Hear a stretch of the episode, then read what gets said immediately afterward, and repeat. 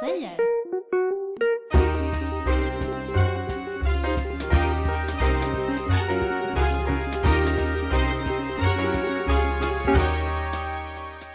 Ja, välkommen till Fysion säger. Mitt namn är Wim Groten och jag jobbar på Karolinska Institutet. Institutionen för neurobiologi, vårdvetenskap och samhälle. Sektionen för fysioterapi. Och dagens avsnitt, då kommer jag prata med Susanna Tovemo Jonsson, som är en postdoc här på Karolinska Institutet. Välkommen till podden Susanna! Ja, men tack så jättemycket Wim, jätteroligt att vara här. Eh, Jag heter som sagt eh, Susanna Tuvemo Jonsson och är postdoc i eh, Lotta Ytterbergs grupp. Just det. Och jag har varit här i ungefär ett och ett halvt år Mm. och kommer innan dess ifrån Uppsala universitet. Just det. Där jag disputerade 2018 på fallprevention, Ja. men, men då på äldre personer. Och jag har inte sett dig för att vi har haft en pandemi emellan. Precis, jag har inte varit här på plats på ett helt år. Nej, intressant. Men det har gått bra ändå att forska under pandemin. Ja, men förvånansvärt bra har det gått. Och jag har konstigt nog lärt känna forskargruppen väldigt bra trots att vi har sett så jättesällan. Mm. Intressant va? Ja, väldigt intressant. Dagens ämne, är vi kvar i din avhandlingsområde med fallprevention eller har det gått vidare till något annat ämne? Ja, alltså det, jag är ju kvar i området fallprevention, Ja. men nu med en annan inriktning. Mm. Från äldre personer i eget boende så har jag nu in på personer med MS. Ja. Och både personer som med MS som, som går Mm. och som sitter i rullstol eller har andra. Förflyttningshjälpmedel. Bra, men då, vi, om vi börjar med fallprevention då. Det är ett svårt ord kanske, men man måste definiera olika saker först. Eh, och då tänkte jag första frågan, vad är ett fall? Ja, eh, det finns ju många versioner på definitioner som florerar, Mm. men den vi använder det är ju när man då har ofrivilligt har hamnat på en lägre nivå på golvet eller marken. Mm. Det är ett fall. Det är ett fall, ofrivilligt. Mm. Ja. Hur kan man mäta det? Hur kan man rapportera det? Är det, är det alltid självrapporterat eller är det vårdpersonalen som får inrapportera sådana här saker? Eller hur funkar det rent praktiskt? ja, så det finns ju många varianter på det här då. Mm. Och det beror på om det är i inne i vården eller om det är utanför vården. Ja. Man kan sätta på mätare på patienter Mm. eller personer som kan registrera. Men det kommer vi inte att göra i vår studie utan vi kommer att, det kommer att vara självrapporterat Ja. via en eh, sms-app. Just det. Mm. Vi kommer säkert tillbaka till det. Och andra delen av ordet fallprevention är ordet prevention. Och eh, hur definierar du detta då? Ja, det handlar helt enkelt om att förebygga. Eh, Men hur kan man mäta något som inte har hänt? Det är det som man tycker är det svåraste.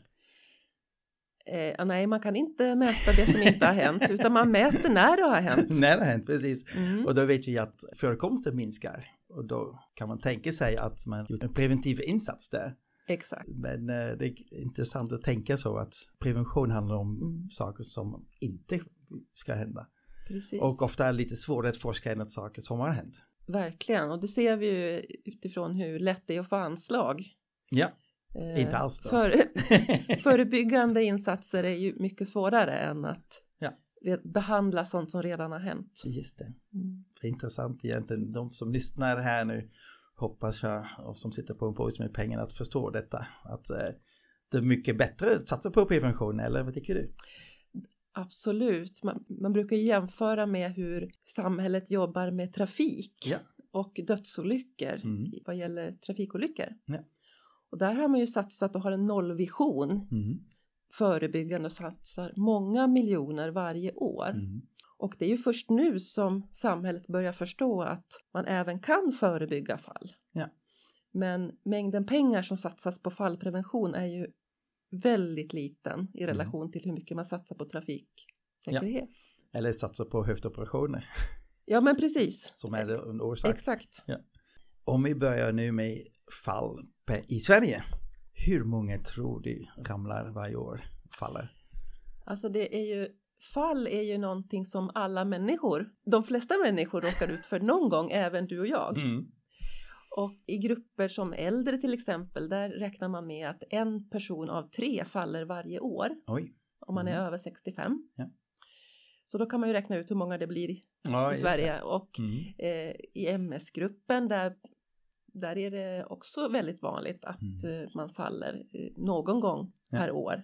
Så att det är, det är väldigt vanligt men många skadar sig ju. Ja. Och ungefär 67 000 får så svåra skador så att man måste söka vård. Oj, Men då är det hela befolkningen. Ja. Då. så ett stort problem. Det är ett stort problem och det är ett samhällsproblem. Mm.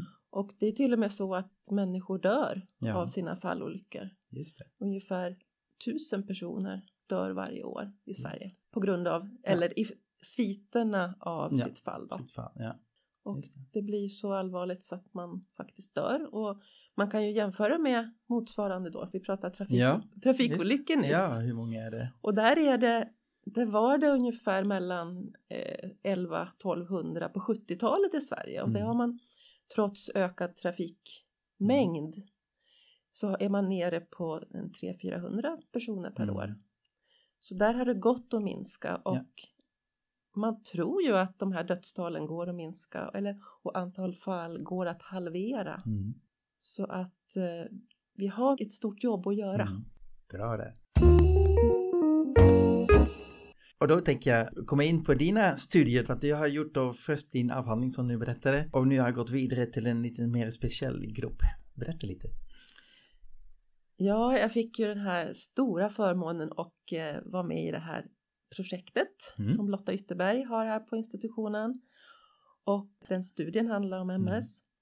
Och eh, personer med MS, de är ju yngre än den grupp som jag tidigare har varit med och studerat. Då. MS får man ofta någon gång mellan 20 och 40 års åldern. Just det. Och vilka riskfaktorer finns där då?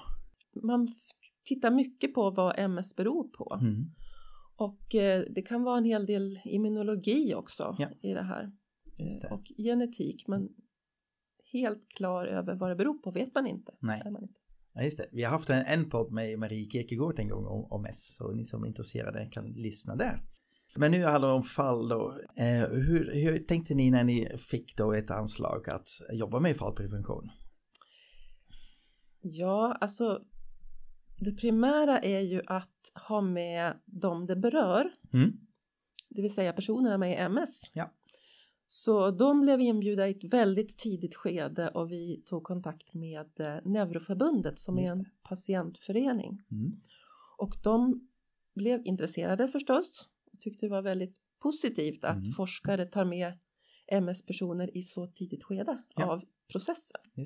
Så de har varit med från start och sen har vi också involverat vårdpersonal Mhm. med erfarenhet av MS. Ja. Och tillsammans med då, de två grupperna, så har vi en co-design-process som det så fint heter. Mm, alltså en sam, samskapande process med dem. Ja. För att höra vad de tycker är viktigt Mm. kring fall. Ja. Eh, både hur man ska lägga upp ett program, en utbildning, men också vad, vad den ska innehålla för någonting. Just det. Och det har vi jobbat med under totalt nu nio månader. Ja. Träffat personer med MS Mm. och träffat personer som jobbar med i vården med Mm. MS. Just det. Så det är ett utbildningsprogram att förebygga fall. Precis, det kommer att sluta i ett utbildningsprogram kan man säga Mm. som kommer vara helt digitalt. Ja. Och det har ju växt fram här under Ja. covid och Mm. hade inte covid kommit så kanske vi hade gjort det annorlunda. Mm. Men vi tror verkligen på att det kan fungera. Mm. Så vilka delar finns det? Jag förstår nästan att jag kan räkna ut att det fysisk aktivitet ingår som en Ja, del. Men det eh, ligger inte bara där. Nej, verkligen inte. Man kan ju tro då att, eller man, många tänker ju Ja. på fallprevention som balans och styrketräning. Ja. För det är där man har forskat väldigt mycket. Mm. Eh, både på yngre människor och äldre. Mm. Men det är ju så mycket mer med fallprevention. Det är så otroligt komplext. Mm. Så balans och styrketräning är en tårtbit. Man Mm. Just det. Och den andra tårtbiten är säkert omgivningen då. Precis. Omgivningen är ju också en del i det här och tanken med det här programmet är att varje person Mm. med MS som deltar ska identifiera vad just den personen har sina risker någonstans. Och det kan ju vara omgivningen. Det kan Mm. vara att man behöver träna fysiskt. Men det kan också vara att hantera situationer tillsammans med sina närstående. Ja. Kanske handlar om att man måste prata med sina barn, Mm. sin respektive om att det här måste vi ändra på hemma hos oss i hur Ja. vi förhåller oss. Mm. Så att det är mycket bredare perspektiv än Mm. bara Ja. styrke och balansträning. Nej, jag förstod nästan det. Ja. Nej, för att eh, jag tänker, eh, om vi börjar med, med, med den biten som, som är det självklara. Hur ser evidensläget ut för balansträning och stabilitetsträning? Eh, jo men för det personer med kanske dålig balans då? Eller? Jo, men alltså det finns ju ganska mycket och färsk forskning kring fall och styrketräning och balansträning. Och det är ju just nu liksom evidensläget att man ska satsa på det. ja, Det, det är en prio ett. Ja. Och det var de här enkla övningarna att stå på ett ben när man borstar tänderna och sånt? Eller var det riktiga sådana styrketräningsprogram på 12 veckor? Ja, alltså det är ganska massiv träning man behöver ge sig på för Mm. att det ska ha effekt. Så det är inte bara att stå på ett ben när man borstar tänderna. Eh. Men alltså, man kan ju tänka sig att lite bidrar också, men för Mm. att få riktig effekt Ja. Så måste man eh, genomföra träningen tre gånger i veckan på ganska tuff nivå. Mm. Både balansträningen och styrketräningen Ja. för att det verkligen ska ge Mm. effekt. Bra det, så att lyssnare inte tror att man är färdigt med den här 30 sekunder varje dag. Tandborstningen, nej, Nej. absolut inte. Bra. Så det, det här är naturligtvis en viktig del, men eh, jag är intresserad av de andra komponenterna. Eh, är det så att man faller mest inomhus eh, vid, vid eh, dusch eller toalettgång eller i säng, in ur sängen eller upp och ner från stolen? Eller är det utomhus man ramlar? Eller är det olika för? Det är väldigt olika. Mm. Eh, om man tittar på gruppen äldre sköra Mm. De faller mest inomhus beroende på att de vistas mest inomhus. Just det. Men eh, för yngre människor så är det ju lika vanligt att falla utomhus. Mm. Helt enkelt den miljö man befinner sig i. Just det. Och då är det väldigt bra att själva projektet går ut på att de personer själva får identifiera sina riskfaktorer. Precis. Eh, och, Mm. eh, men sen är det ganska svårt att göra någonting åt eh, det där. Nu är det, nu sitter vi i december och det har varit precis en, en period med väldigt mycket ishalka där. Mm. Det är svårt att åtgärda sånt. Eller? Ja. Ja, alltså ishalka, det kan ju också vara flera delar i det. Mm. Dels kan det vara att man själv ska sätta på halkskydd på skorna. Mm. Men sen måste samhället också agera där Mm. Och eh, vara duktig på ploga och sanda och salta. Mm. Ja. Eh, Så att det är alltid väldigt många olika faktorer kring det här med en fallsituation. Det Mm. finns sällan någon enkel lösning. Nej, precis. Bra. Och vilka delar ingår mer? Du pratade om eh, anhörigas roll. Precis. Närstående har ju jättestor betydelse. Mm. Särskilt om man då som person med MS ska förändra sitt beteende Mhm. för att minska risken att falla. Ja. Och då kan det ju vara allt ifrån att man kanske behöver möblera om hemma. Eh, Man kanske måste få utrymme och tid att gå och träna eller Mm. göra sin yoga för att Mm. känna ett lugn. Mm. Då måste anhöriga kanske hjälpa till på olika sätt. Att det. både kanske bidra med eh, Barnhämtning. barnpassning, hämta barn Ja, ja. eh, och laga mat. Mm. Det här vanliga hushållsarbetet som Mm. många småbarnsföräldrar Ja. liksom, som överöser dem i vardagen. Att få Mm. avlastning i det för att kunna ta hand om sig själv. Mm. Så att en åtgärd som en person kanske behöver göra är för först att ha ett- en dialog med sin, sina närstående.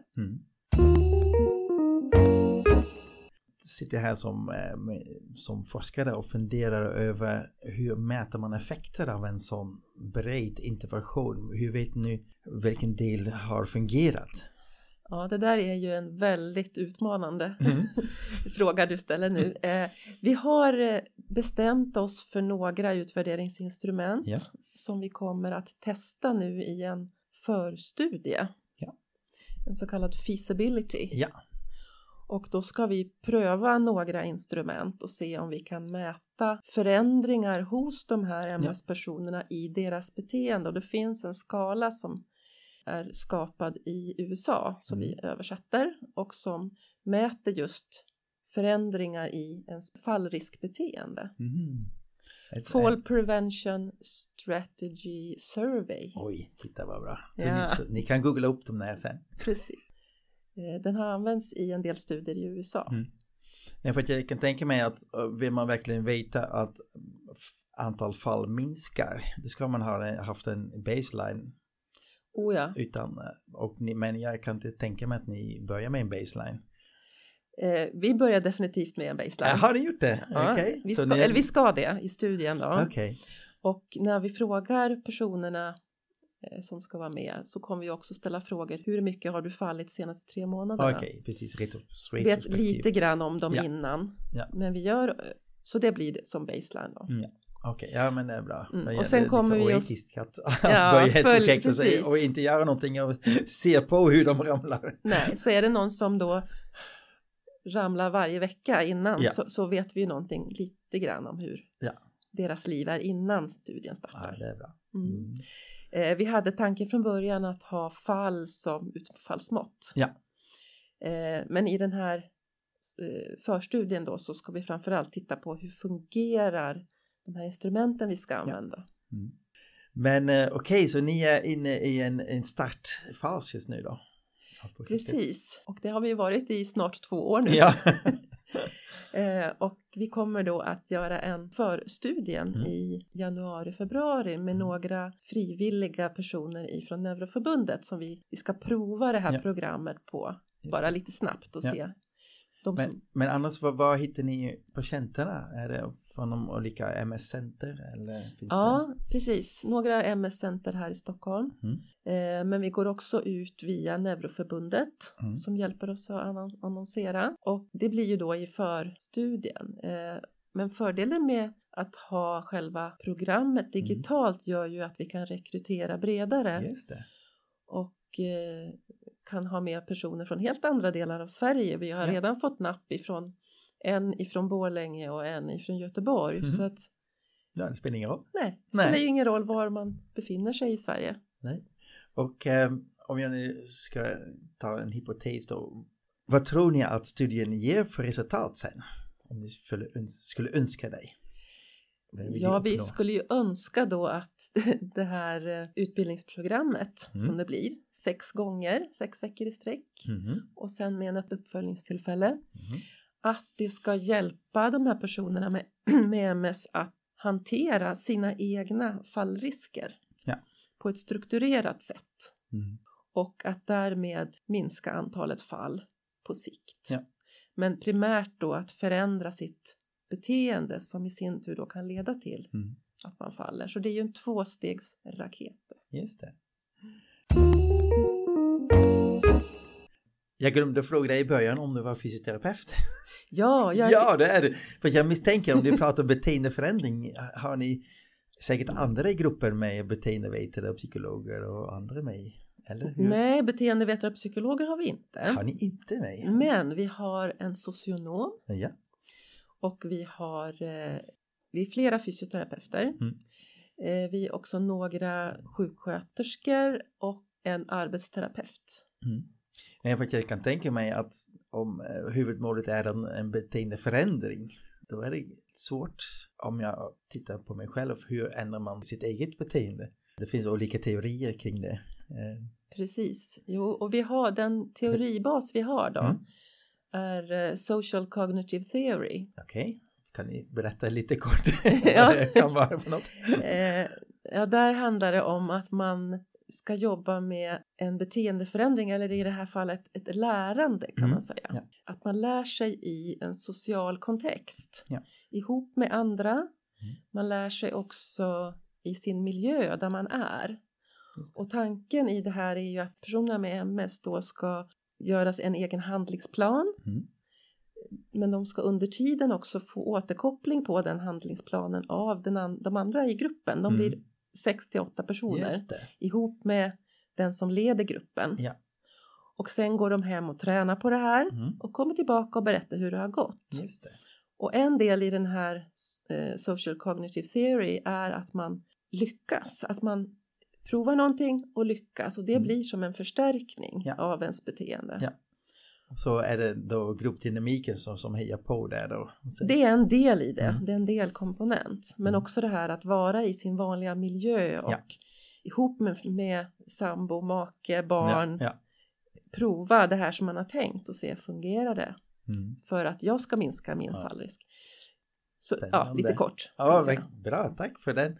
Mer forskningsmetodologiskt, har ni tänkt en kontrollgrupp i studien? Det har vi absolut gjort och det kommer att vara en kontrollgrupp även i den här förstudien, feasibilityn. Mm. Och där kommer det att vara totalt 48 deltagare och hälften kontroll och hälften intervention. Mm. Just det, och vad får de göra då? Det är lite oetiskt att inte göra något. Precis, ja. Eh, kontrollgruppen de kommer att få ett enkelt informationshäfte Mm. om fallprevention Precis. och vad, det, vad de kan göra själva. Mm.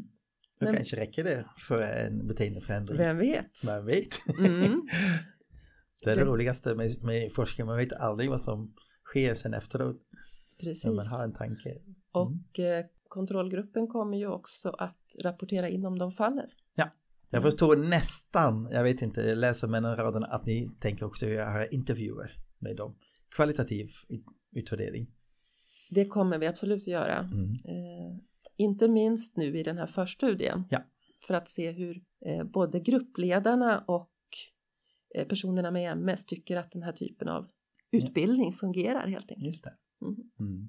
Jag kan nästan förstå att ni väljer en grupp med MS eftersom de är hyfsat unga och kanske digital eh, tröskeln är lite lägre. Men tror du att den här, ifall om den nu fungerar väldigt bra, kan extrapoleras till andra grupper, till exempel äldre? Ja, eh, på sikt tror jag det. Eh, vi hade ju i den här samskapande processen så Mm. hade vi ju personer i ganska brett åldersspann. Mm. Det var inte bara digitala 20-åringar Okej. utan vi hade ju även några över 60. Ja. Och eh, vi var förvånade för det gick bättre i den här samskapande processen Mm. digitalt än vad vi hade förväntat oss. Mm. Också utifrån eh, den här patientgruppen. Nej, för att eh, jag kan tänka mig att det kan vara en liten tröskel då med eh, webcam och, och försöka få ljudet fungera och den, eller hur, hur kör ni? Teams? Vi har Zoom har vi tänkt i den här Mm. studien och eh, vi har också det första tillfället i programmet är just att testa de digitala verktygen. Ja. Så att alla ska känna sig hyfsat trygga. Ja. När sen själva programmet börjar då gång två. Just det. Och du sa sex gånger, räcker det? Tror du? Det får vi se. Mm. Det är ju också en utmaning att få en beteendeförändring på så Mm. kort tid. Ja. Så att det kan vi egentligen inte räkna med i den här förstudien att få Nej. en riktig beteendeförändring utan då blir det mer att testa programmet och innehållet och det Mm. runt omkring.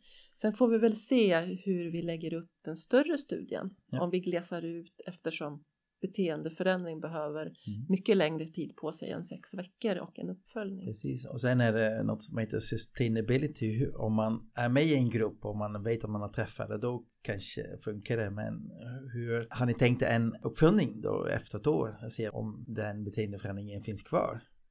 Det Annars kommer blir det sån här jojo-bantning kan man Ja, men precis. Eh, I i feasibility kommer vi att ha en, en uppföljning efter 18 veckor. Ja. Eh, men i den större studien så tror jag att det skulle vara värdefullt ur forskningsperspektiv att ha ett mycket längre uppföljningstid. Mm.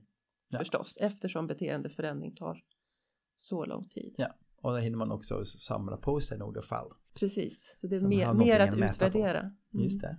Vad intressant att lyssna på dig och en sån här studie som står i startgroparna. Då måste vi komma tillbaka om eh, ett eller två år och lyssna hur det gick.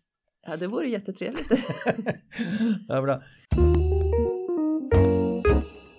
Nu har vi kommit på slutet av podden. Är det något som jag glömt att fråga om? Har vi missat något? Ja, det jag har missat, Mm. om inte annat då, det är att eh, prata om begreppet egenvård som ju är väldigt eh, centralt i den här studien vi ska göra. Ja.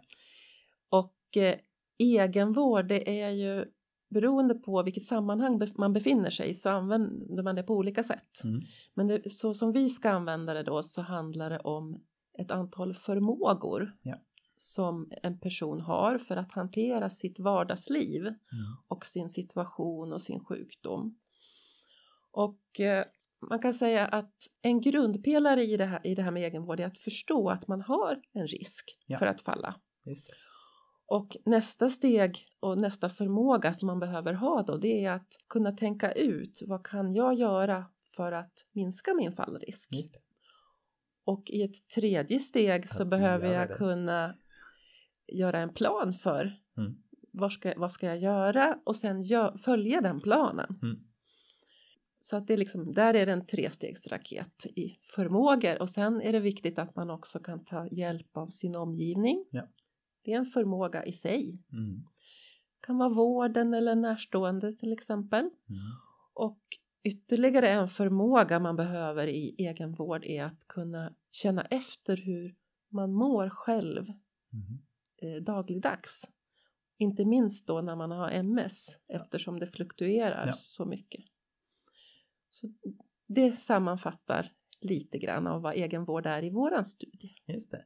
Om ni skulle sätta egenvård i, i eh, fysioterapin, använder vi för lite egenvård i fysioterapin i stort? Är det så att vi kommer att behandla och så? Ja, verkligen. Jag tror att vi fysioterapeuter har mycket att lära oss i det här med egenvård. Att hjälpa personer, patienter att Mm. hantera sin egen situation och att vi mera kanske ska vara coacher än Mm. någon som talar om exakt så här ska du göra. Mm. Så stort tack Susanne att du kom till Fysion säger. Stort tack för att jag fick komma hit. Du har lyssnat till podden Fysion säger, en podd som sänds från sektionen för fysioterapi på Karolinska Institutet. Fysion säger